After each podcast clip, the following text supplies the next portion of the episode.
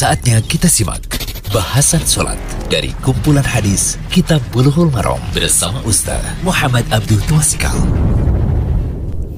Alhamdulillah, salatu wassalamu ala rasulillah wa ala alihi wasallam. Kali ini kita berada di audio ke-196 dari pembahasan kitab Bulughul Maram karya Imam Ibnu Hajar al-Asqalani, kitab salat Fadlu Salatil Jama'ati wal Imamati. Keutamaan salat berjamaah dan masalah imam. Kita lihat hadis ke-417 an Anasin radhiyallahu anhu qol Shalla Rasulullah sallallahu alaihi wasallam faqumtu wa yatimun khalfahu wa ummu Sulaimin khalfana. Muttafaqun alaihi. Wal lafzu lil Bukhari.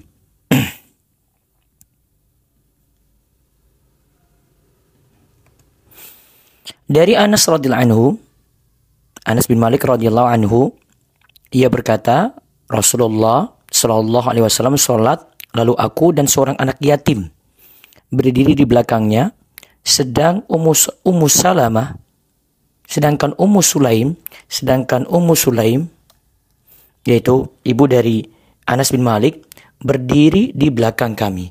Ummu Sulaim itu berdiri di belakang kami. Hadis ini mutafakun alaih. Lafaz hadis ini menurut riwayat Al-Bukhari. Menurut riwayat Al-Bukhari.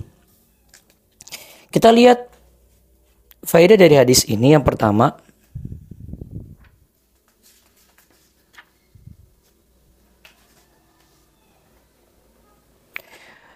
Jika satu, jika makmum lebih dari satu, posisi makmum adalah di belakang imam. Ini Inilah pendapat jumhur ulama, yaitu seluruh makmum, posisi makmum, posisi seluruh makmum, seluruh makmum itu di belakang imam. Faedah yang kedua, wanita tidaklah berdiri berdiri sholat bersama jemaah pria dalam satu soft. Wanita berdiri di belakang soft pria walau sendirian. Keadaan wanita ini tidaklah berbeda, baik wanita tersebut adalah istrinya ataupun mahramnya. Faedah yang ketiga, anak kecil yang belum balik yang berada di dalam soft dan mengikuti sholat berjamaah tidaklah dikatakan memutus soft. Ingat ya di sini tidak dikatakan memutus soft. Sholat anak kecil ini tetap sah. Faedah yang keempat, jamaah dalam sholat sunnah dibolehkan jika ada maslahat seperti untuk pengajaran. Jadi jamaah dalam sholat sunnah berjamaah ya eh, berjamaah dalam sholat sunnah itu dibolehkan dibolehkan jika ada maslahat. Terus faedah yang kelima, Islam melarang ikhtilat, yaitu campur baur antara pria dan wanita sampai pun dalam ibadah. Syariat Islam memerintahkan wanita sholat sendirian di belakang soft pria tanpa bercampur satu soft dengan soft pria. Inilah perhatian Islam untuk menjaga umatnya.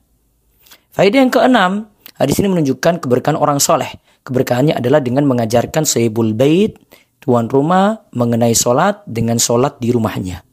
Faedah yang ketujuh, sholat sunnah di siang hari hendaknya dilakukan dengan dua rakaat salam, sebagaimana pelaksanaan sholat lail atau sholat malam. Demikian, semoga jadi ilmu yang manfaat bagi kita semuanya. Allahu yubarik fiqh. Demikian bahasan sholat dari kumpulan hadis Kitab Bulughul Maram bersama Ustaz Muhammad Abdul Tuasikal.